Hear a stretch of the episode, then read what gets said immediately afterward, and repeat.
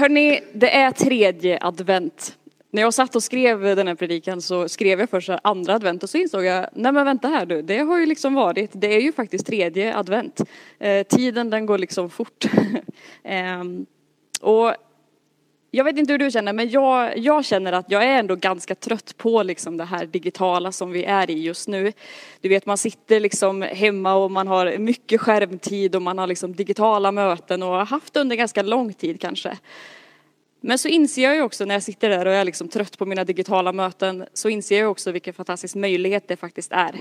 Och detsamma är ju att vi faktiskt kan fira gudstjänst på det här sättet. Eh, det är ändå ett privilegium vi har att kunna göra det. Att vi kan sitta hemma med våra skärmar och faktiskt följa en gudstjänst och få göra det tillsammans på det här sättet. Eh, så vi är så glada att du är med idag, att du har hittat hit till den här gudstjänsten av någon anledning. Och hoppas att du ska få med dig någonting ifrån den. Jag ska tala idag om att se klart, eh, om att se på Jesus. Och om du vill ha liksom en rubrik på min predikan så är det en förnyad blick. Det kanske inte är den mest liksom adventstypiska predikan du har hört, men eh, jag tror och hoppas ändå att du ska få med dig någonting av den. Advent, det handlar ju om att vi faktiskt väntar på att kungen ska komma hit till jorden, att Jesus ska födas. Det är ju det som hela julen handlar om, julens liksom verkliga budskap att Jesus föddes till den här jorden. Och det är ju en, en jättestor händelse för oss alla människor egentligen, för hela mänskligheten och som får liksom konsekvenser över, över lång tid.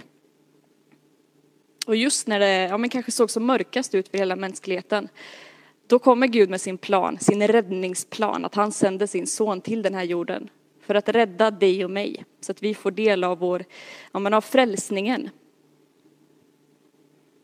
Och Jesus, han beskrivs i Bibeln på väldigt många olika sätt. Och just i adventstider så är det väl kanske framförallt att man pratar om att han kommer med ett hopp, att han kommer med sin frid och att han kommer med sitt ljus.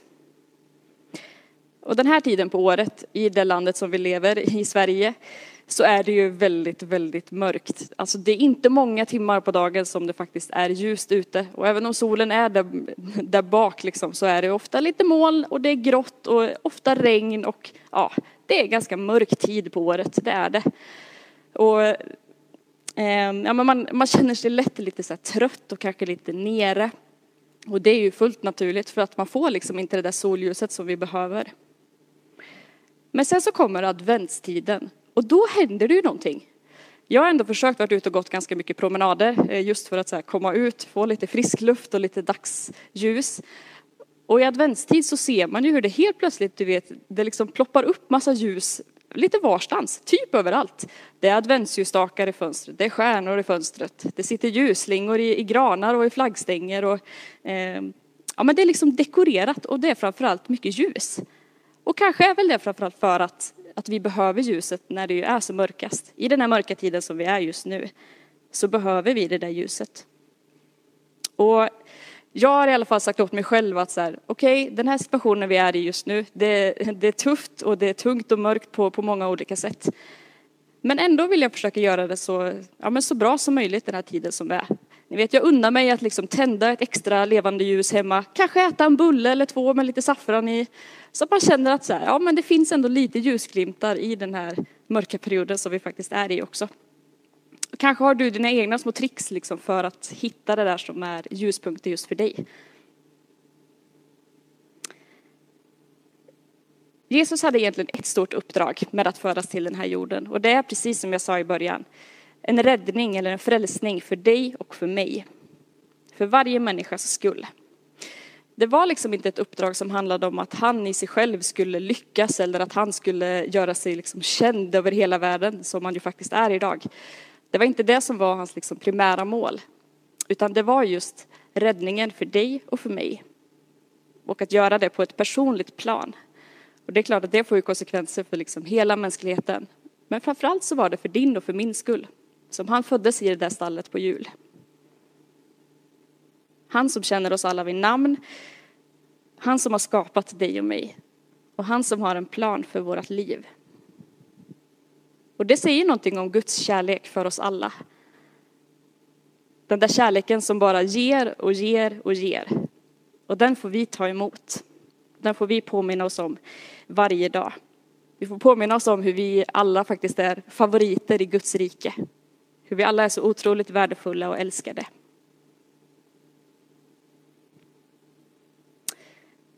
För ett tag sedan så eh, fick jag en, eh, en spricka i min framruta på bilen.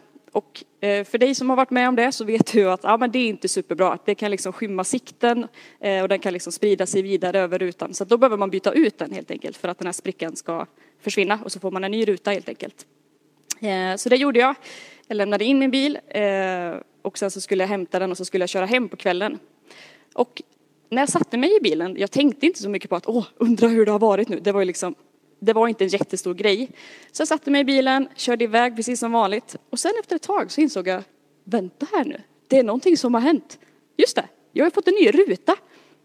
För även om det var kväll och det var mörkt och lite så regn i luften så såg jag ändå så mycket klarare än vad jag hade gjort innan. Det var som att ni vet detaljerna, de syntes på ett helt annat sätt.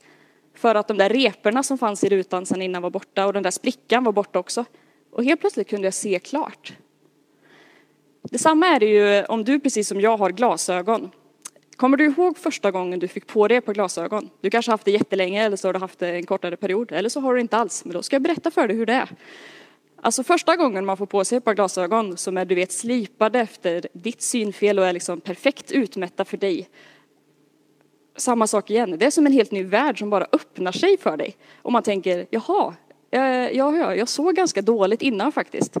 Det, det tänker man kanske inte på när man, ja, liksom innan man tar tag i det där och faktiskt skaffar glasögon.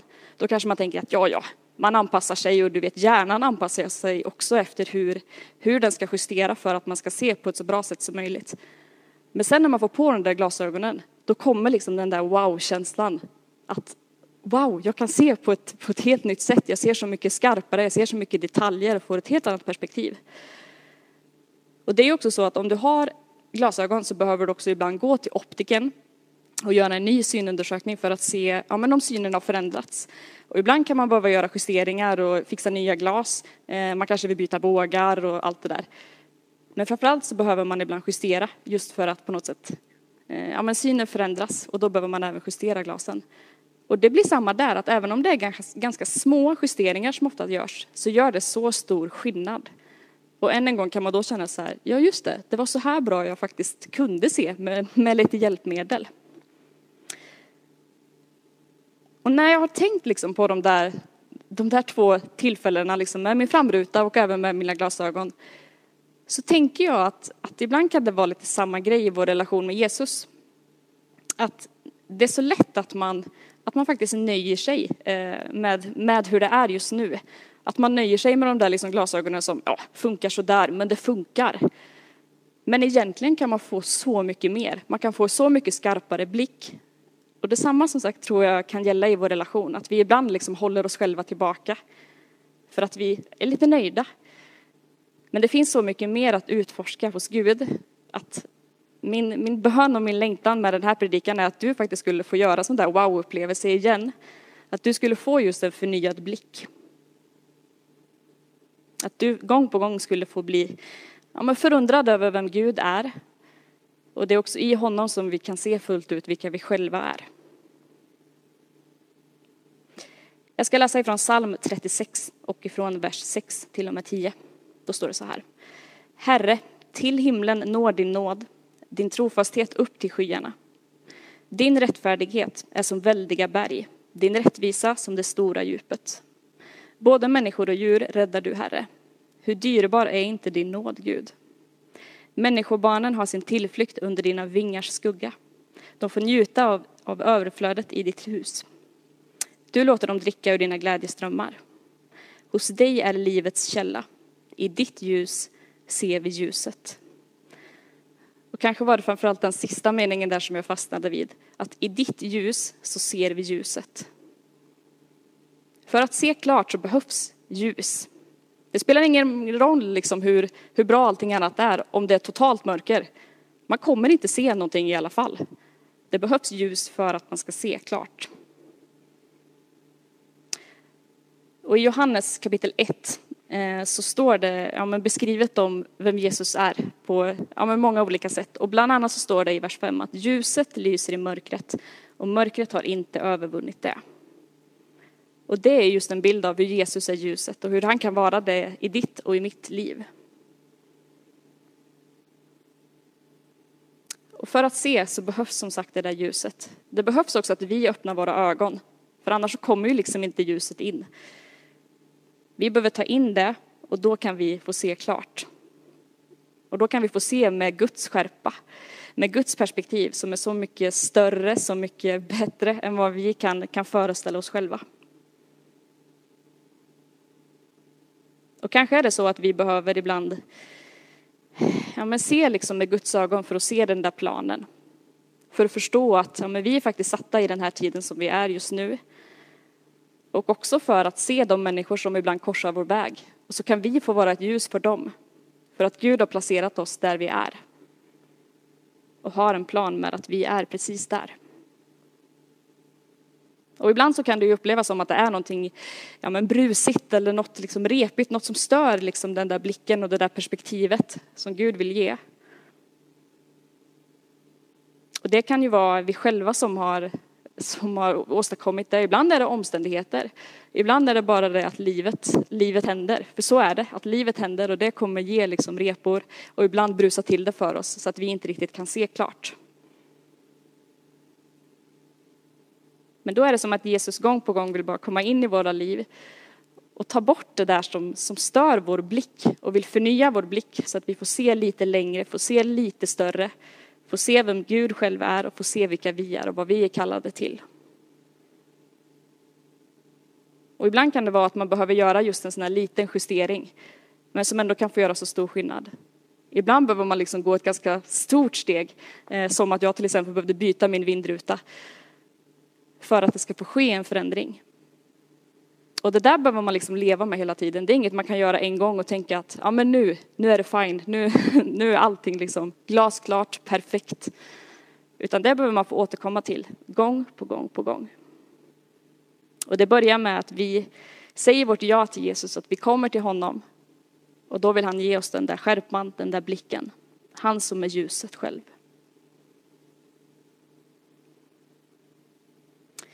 I Hebreerbrevet kapitel 12 så står det så här ifrån vers 2. Låt oss, eh, låt oss fästa blicken på Jesus som är upphovet till vår tro och som fullkomnar den. Han såg fram emot den glädje som väntade honom, uthärdade korset utan att bry sig om dess skam och sitter nu på högra sidan om Guds tron. Jesus bjuder in dig och mig att fästa blicken på honom och det kan du få göra där du är just nu. Kanske om du vill göra det för första gången. Att ja, men det är någonting liksom med Jesus som du vill bjuda in i ditt hjärta. Då kan du göra det där du är just nu. Och han kommer att höra den bönen och det är inte svårare än att bara be en enkel bön. Och när du tar emot Jesus i ditt liv så flyttar också den heliga ande in i ditt liv.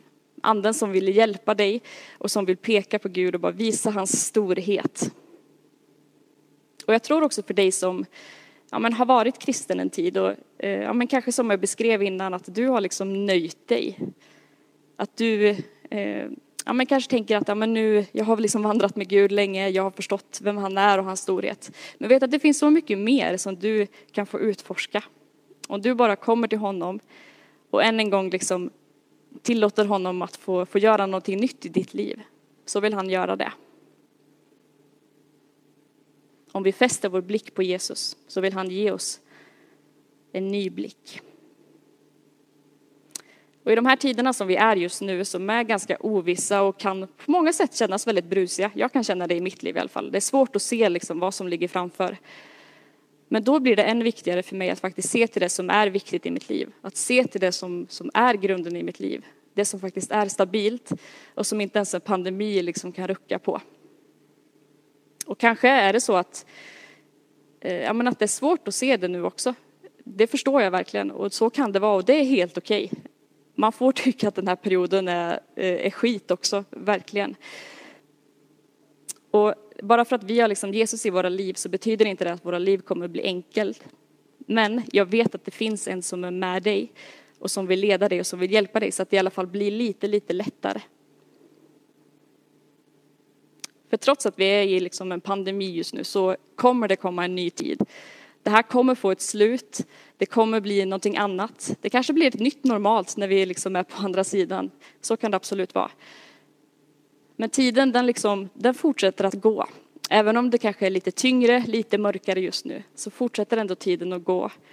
Och vi kommer få se liksom ett nytt år och våren kommer att komma oavsett. För Gud, han står fast. Han är nära dig.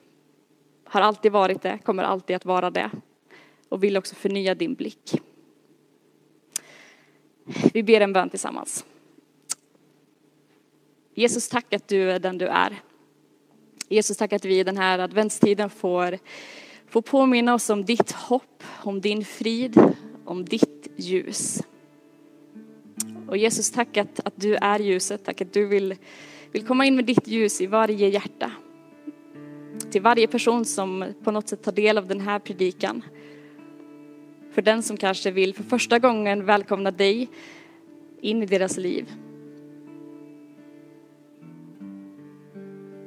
Jesus, tack att du är den du är.